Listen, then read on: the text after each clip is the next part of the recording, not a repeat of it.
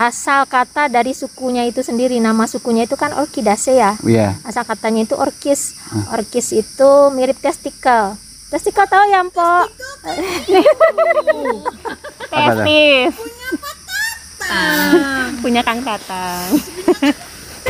Jadi mirip itu gitu morfologi atau apa Oh. istilahnya? itu asal katanya itu sebenarnya. Orchid, orchid itu, the orkis Oh. orkis itu. Artinya itu testikel itu. Jadi di, karena dia punya bob yang bulat-bulat gitu Hmm. baru tahu biji.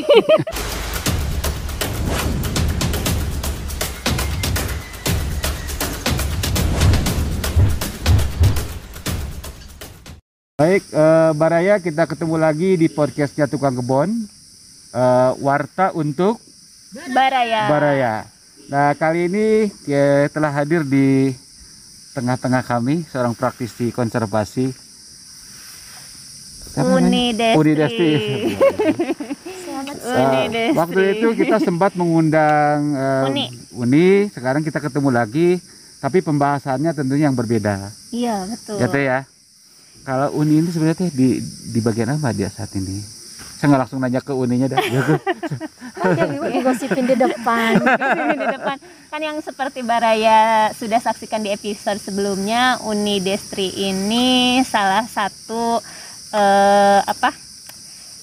Peneliti ya di kebun raya yang concern terhadap konservasi. Jadi kita tanya-tanya Mm-mm. selama ini yang sudah dikerjakan Uni itu untuk konservasi tumbuhan jenis apa sih? Iya, nanti mungkin akan berkembang ya bahasannya. Kang Tatang. Pasti Baraya juga penasaran teh. iya.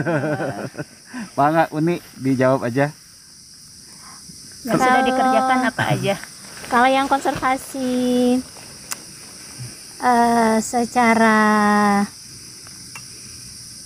utuh eh, saya ada ngerjain anggrek tapi Hmm. kalau konservasi itu kan harus selesai ya jadi enggak cuma kita tanam kita pelihara tapi Mhm. harus ada usaha pengembangbiakan pelestariannya juga harus ada nah kalau anggrek itu ada tapi belum terlalu banyak karena eh, fase eh, laboratorium kita itu masih belum optimal Hmm. tapi keberhasilan udah ada tapi belum belum banyak kalau dibandingkan dengan lab di tempat yang lain gitu Hmm, anggrek kan salah satu komoditas tanaman hias yang ngehits di antara ibu-ibu Paling diminati ya. sama ibu-ibu. Eh, kalangan atas banyak nih yang suka bunga anggrek Mm-mm. pasti Baraya juga tahu boleh dong Uni diceritakan karena kan seperti yang kita ketahui anggrek juga banyak yang eh, status konservasinya dilindungi ya. Hmm. jadi sebetulnya ada cara atau prosedur yang harus dilalui kalau kita pengen mengkoleksi anggrek. Mungkin bisa diceritain ke Baraya Hmm. dan kenapa anggrek jadi harus dilindungi? Nggak bebas gitu. Kalau misalnya mau ambil yang liar di hutan Hmm. nggak nggak sembarangan bisa ambil gitu aja baraya jadi ada prosedur ya yang harus dipenuhi Ya memang eh, anggrek ini bisa dibilang istimewa untuk perlakuan seperti itu. Tapi dia memang sudah diminati orang dari berabad-abad yang lalu, dari tahun 1800-an itu orang sudah tertarik sama anggrek. Hmm. Kalau di Eropa itu mereka sudah melakukan persilangan-persilangan itu sudah dilakukan sama mereka. Eh, dia lihat potensi karena anggrek ini beberapa di antaranya kan selain daripada memang bunganya yang bagus unik, unik, Unik. bagus, Hmm. terus warna-warni. iya cantik Mereka tuh eh, beberapa di antaranya itu tahan lama, Berbunganya maksudnya. mekarnya lama. Mekarnya lama ya. Walaupun ada yang mekar setengah hari juga ada, Hmm. Betul. ada. Tapi yang mekar sampai tiga bulan juga ada. Itulah yang kemudian jadi daya tarik orang-orang kayak kayak hortikulturis itu mereka silang, mereka apa gitu kan. Hmm. Jadi dari awal-awal anggrek itu populer pun orang sudah men- eh, apa tertarik untuk menjadikan dia sebagai tanaman yang akan dimuliakan gitu yang akan disilang-silang, dihibridisasi. Berarti yang sudah banyak di pasaran itu kan bunganya besar-besar ya Uni ya. Ah, Kalau lihat spesies asli ya seperti di belakang teh ada ya Fitri kan. Ini F- F- F- gitu. Ah, itu Kan bunganya kecil-kecil gitu ya. Nah, Gimana tuh Uni? punya telepon anggrek itu monokotil, Mm-mm. ada dikotil, ada monokotil ya, itu pelajaran standar anak SD. Mhm. Untuk monokotil sepertinya anggrek ini yang paling besar sukunya. Jadi anggrek itu sa orkidase satu suku itu mungkin jenisnya adalah sampai 25.000 lebih. Wow. 25.000 jenis itu semua ada di Indonesia atau Nggak ada, termasuk nggak ada. Di Oh. Indonesia tuh kalau menurut salah satu literatur itu mungkin ada sekitar 5.000. 5.000 jenis. jenis ada di Indonesia. Ya, nah kalau pusat ende eh, pusat endemiknya itu di Kalimantan, Kalimantan. eh, Papua mungkin ya. Mhm. Dan uniknya juga di Papua. Kalau di Sumatera, Jawa agak mirip-mirip, agak Hmm. mirip-mirip. Yang itu salah satunya kali ya Umi ya, yang anggrek hitam itu ya Umi. Ya? Itu Kalimantan. Terkenalnya dari Kalimantan, tapi menurut datanya dari Sumatera juga ada. Hmm. Nah, anggrek yang 25.000 ini itu tuh variasinya sangat tinggi. Mulai dari variasi bentuk bunga, Mm-mm. variasi ukuran bunga, variasi warna, lama mekar, ukuran tanaman. Mhm. Nah, ke arah sini ada hobi hobiis. Jadi bukan cuma sekedar ibu-ibu pejabat, ibu-ibu sosialita, bukan, tapi ada hobiis yang dia mengoleksi anggrek apa saja, termasuk Hmm. yang bunganya ya? itu, ah, ah, yang bunganya itu kecil, malah kita kadang-kadang ngelihatnya tuh harus gini banget gitu loh. Tapi semuanya hibrid kecil. ya, Uni. Anggrek alam yang ada. yang misalkan ya, oh anggrek alam boleh di di nah, di koleksi sembarangan gitu. harusnya harusnya ada sebenarnya itu tuh kayak gimana ya? Ngejawabnya saya tuh agak gerada nggak enak sih sebenarnya ya. Soalnya katanya nggak boleh ya. Ke pengalaman saya nih sebagai peneliti pernah mengajuin surat untuk eh, Eksplorasi anggrek. eksplorasi penelitian anggrek. Untungnya nggak didanain nggak jadi didanain karena sampai sekarang saya nggak tahu kabar surat itu. Oh, izinnya nggak turun gitu, Nggak tidak turun, padahal izin. itu dari rekomendasikan dari eh, apa scientific authority yang di pusat bio, eh, pusat penelitian biologi bahwa anggrek yang ada di daftar saya itu tuh yang harus dihati-hatikan dan atau mungkin nggak boleh diambil mungkin cuma satu jenis. Waktu itu saya memang memasukkan marga Paphiopedilum Hmm. Paphiopedilum kan memang sangat dilindungi ya rata-rata semuanya udah masuk IUCN dengan status tuh mulai dari endanger gitu vulnerable adalah satu-satu endanger ke atas itu dilindungi. Nah, Iya. yang menjadi alasan dilindungi itu sebetulnya karena apa Uni? Karena kan pasti orang awam yang menyaksikan podcast kita baru Iya. tahu nih, oh ternyata anggrek itu dilindungi. Ah, ah. Nah, kenapa sih sampai negara itu mengeluarkan peraturan perlindungan Heeh. untuk anggrek?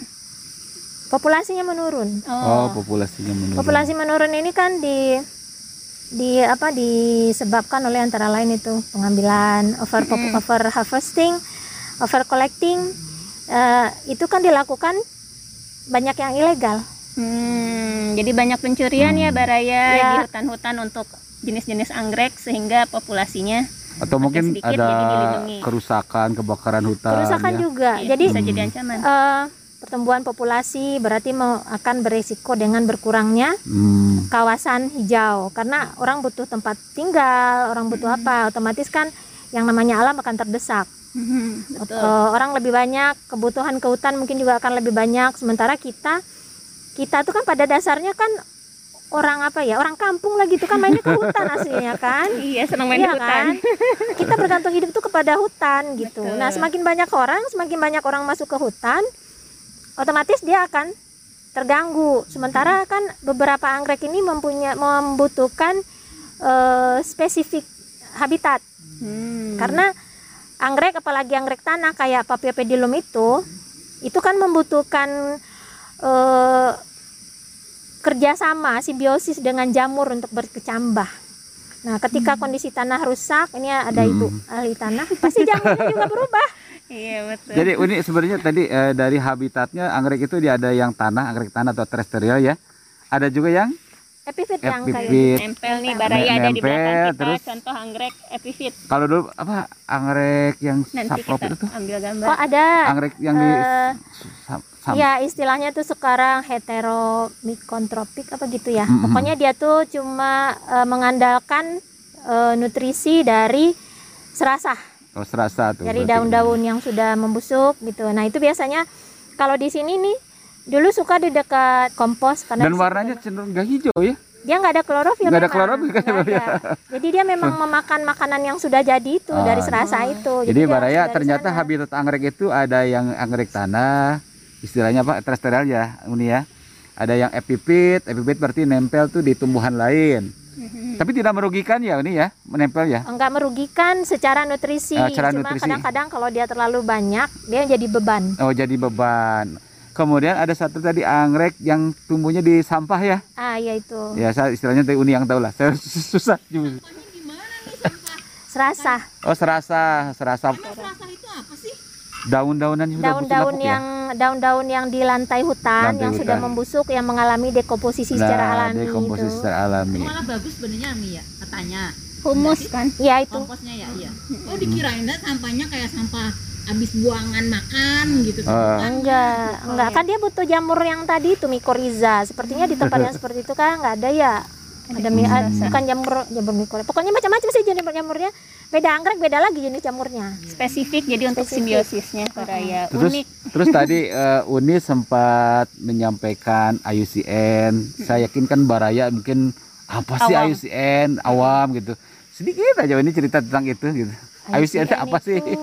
IUCN itu apa ya jadi itu tuh eh, seperti komisi dia tuh yang menilai menilai Mm-mm. status tumbuhan itu di alam nanti Hmm. nanti eh, apa bu si Empok tuh bisa ngebenerin dia lebih ahli dari saya kita perlu bahasan khusus. Oh, untuk itu Oh ya, sorry, sorry. tapi Oh, secara umumnya Um. IUCN itu mengeluarkan sistem penilaian ya Bu ya jadi ya udah ah. udah Hmm. nanti udah ketahuan kalau misalnya anggrek hitam statusnya apakah dia dia, ah, dia terancam. mengeluar, Langka mengeluarkan atau apa gitu, oh, metode asesmennya asesmen populasinya jadi ada yang berdasarkan memang studi ke lapangan ada yang studi literatur nanti berdasarkan itu itu nanti nanti nanti ada ininya nanti ada publikasinya mengenai suatu spesies itu nah nanti dari dari situ bisa dia kategorikan nanti ke mana nah ini ada harus ada topik khusus ya bener kata Iya. Po Anggun ya.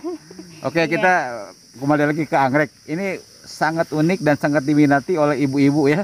Ah, bukan hanya ibu-ibu, kayaknya kalau muda juga seneng ya. Dilihat Ya, itu. terutama yang kolektor tadi yang kolektor tadi. Nah, eh, pem- kan kan kalau lihat bunga anggrek dengan bunga yang biasa ya, Bi, kan kita bisa membedakan oh ini kayak seperti ini kelopaknya udah udah tahu lah gitu rumus. Tapi kalau anggrek itu beda ya, ini ya. Eh, bunganya yang mana sebetulnya Uni jadi apakah ada yang kita contohnya ya. lihat berwarna itu bunga atau itu udah bunganya oh itu udah bunganya itu udah Soraya. bunganya kalau anggrek itu kan antara antara kelopak dengan mahkota kan sama Hmm. Oh. jadi dia adanya tepal bukan jadi enggak tapi kalau misalnya kita mau meng- mendeskripsi satu-satu tetap kita sebut mana yang sepal mana yang petal gitu kan mana yang kelopak mana yang eh, kali mana yang corolla gitu mana Hmm. yang kelopak mana yang mahkota bunga gitu nah itu tetap bisa dibedakan Hmm. tapi kalau misalnya yang ke- udah kelihatan bunga ya itu bunganya gitu Mm-mm. tapi yang menarik dari anggrek itu kan eh, organ jantan betinanya itu gimana tuh Uni? Eh, itu kan sudah bergabung membentuk satu organ. Jadi dia itu monandre atau satu. Jadi Jadi, bisa stamen dengan, dengan anter itu satu.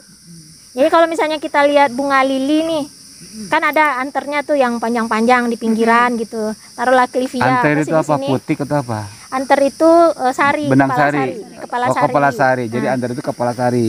Nah, Hmm. itu kan sendiri-sendiri tuh yang kuning-kuning. Nah, ini yang jantannya berarti. Nah, yang nanti ada di Putik. tengahnya satu putiknya gitu kan. Nah, kalau anggrek itu dia udah bersatu tuh. Oh, Hmm. sama. Heeh. Udah bikin satu satu organ namanya kolum. Nah, Hmm. nanti di situ tuh udah ada anternya. Di bawah anter tuh nanti ada stigmanya. Jadi kalau ngawininnya itu ya kalau mau kawinnya selfing ya udah ke situ. Hmm. nikah sendiri bisa dia bisa solving bisa beberapa anggrek tuh sangat self compatible walaupun itu nggak bagus ya Nah, ini itu berarti eh, perbanyakannya itu berarti bisa berapa jenis ah, berapa metode ya. Ah, ah, berapa metode ini? perbanyakan kebanyakan Ah, untuk untuk anggrek bisa apa aja. kan tadi ada yang dibilang Oh, hibrid. Nah hibrid itu Iya, gitu. kalau Hibrid. hibrid berarti harus disilang. Oh kalau hibrid Silangan, itu silangan ya, Harus Baraya silang jadi dan- bukan yang asli dari hutan ya? Atau di Mau- hutan juga ada silangan? Jadi kalau misalnya hibrid aslinya pasti dari hutan. Oh aslinya dari hutan. Induknya dari hutan. Induknya dari hutan. Berarti dia bisa vegetatif dan alami vegetatif. kalau di kalau di hibrid kalau di hibrid harus generatif generatif. kalau hibrid harus generatif kalau pada anggrek ya kata Hmm. nama lain kayaknya juga begitu sih cuma kayaknya ada tumbuhan-tumbuhan tingkat rendah kayaknya yang lewat vegetatif pun bisa melakukan silang Hmm. kalau ini kan tumbuhan tingkat tinggi nih Bisa jadi pakai biji nggak sih Uni?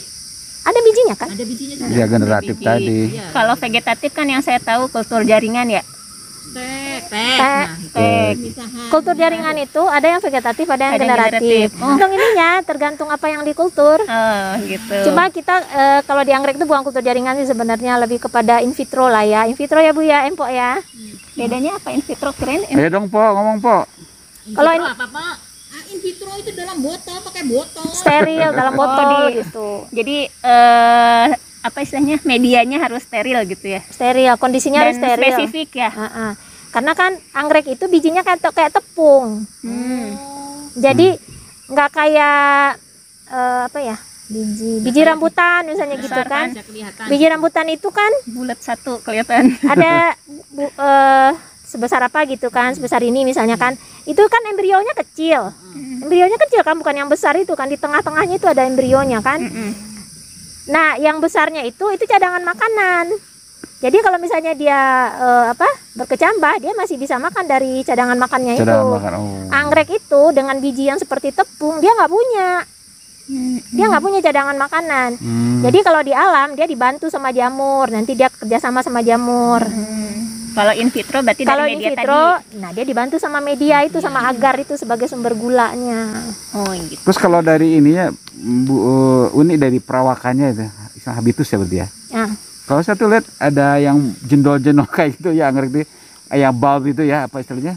iya Ya, kalau lihat kayak ah, itu tuh asal kata dari sukunya itu sendiri. Nama sukunya itu kan Orchidacea. iya. Asal katanya itu orkis. Orkis itu mirip testikel. Testikel tahu ya, Mpok? Testis. Orkis, Kiss, ya, orkis itu artinya itu testikel itu. Jadi di- karena dia punya bob yang bulat-bulat gitu. hmm, Baru tahu. Baru tahu ternyata cara ngenamain tanaman tuh bisa ngelihat dari morfologi, Morfologinya. yang umum diketahui. Itu tuh masuknya batang atau apa sih? Batang. Itu tuh batang sebenarnya. Oh, jadi yang tadi yang menjendol kayak itu batang gitu ya. Oh. itu Iya, ada fungsinya buat apa Batang iya sebagai cadangan makanan iya. Jadi Bukan oh iya. Jadi yang bulat itu cadangan makanan ya. Batang plus cadangan makanan. Jadi Kayak- hanya bentuknya aja yang kayak unta kan unta beda. gede. Cadangan. Jadi itu cara dia bertahan di musim kemarau. Oh, iya iya Oh. iya. Kan anggrek-anggrek epifit itu agak tahan kalau musim kemarau. Dia punya Iya, air betul. itu, Hmm. punya cadangan Makanya makanan. dia di kuat ya bunganya sampai berbulan-bulan juga karena cadangan makanannya juga mungkin karena Ah, ada itu ya. Ah, ah. Terus ini kalau anggrek itu kan kalau kita merawat anggrek itu lebih sulit yang masih yang anggrek epipit apa yang anggrek yang tanah gitu. Kalau saya sih lebih suka bilang yang susah itu anggrek tanah ya. Oh anggrek justru anggrek tanah yang susah ya. Oh. Karena ada hal-hal spesifik yang anggrek tanahnya itu anggrek ya syarat. itu eh, menurut saya lebih gampang tuh kenapa coba?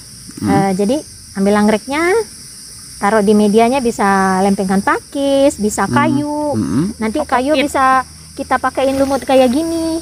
Nih, Hmm. kasih lumut kayak gini. bisa Nanti di bisa akarnya jangan terlalu ditutup, diiketin. Yang penting air cukup. Dia Hmm. akan baik-baik aja. Kalau itu penyiramannya harus tiap hari berarti Tergantung musim. Kalau kemarau siram tiap hari. pagi Siram, sore. siram tiap sore. Oh Tiap, tiap sore, sore. udah cukup. Oh sih, sore aja gitu ya. Sore, nanti kan eh, malam itu kan dia dingin ya. Terus pagi, jadi air itu bertahan dia. Jadi pagi-pagi tanaman tuh masih segar dan itu cukup untuk dia me- melewati hari. Nanti sore disiram lagi. Kalau kemarau, kalau misalnya musim hujan mas saya juga jarang-jarang siram kalau anggrek. Terus rajin ya, teh ya. iya jadi Harus rajin. kalau orang Sunda bilang mah enteng bangga ya Enteng-enteng ngurus, bangga. ngurus anggrek makanya Ya. banyak yang suka tapi ternyata nggak semua orang bisa memeliharanya makanya jadi eh, permintaan banyak ngurus nggak bisa jadi pengen ngambil lagi pengen ngambil lagi mungkin gitu ya salah satu Mungkin juga. alasannya kenapa populasi anggrek jadi terancam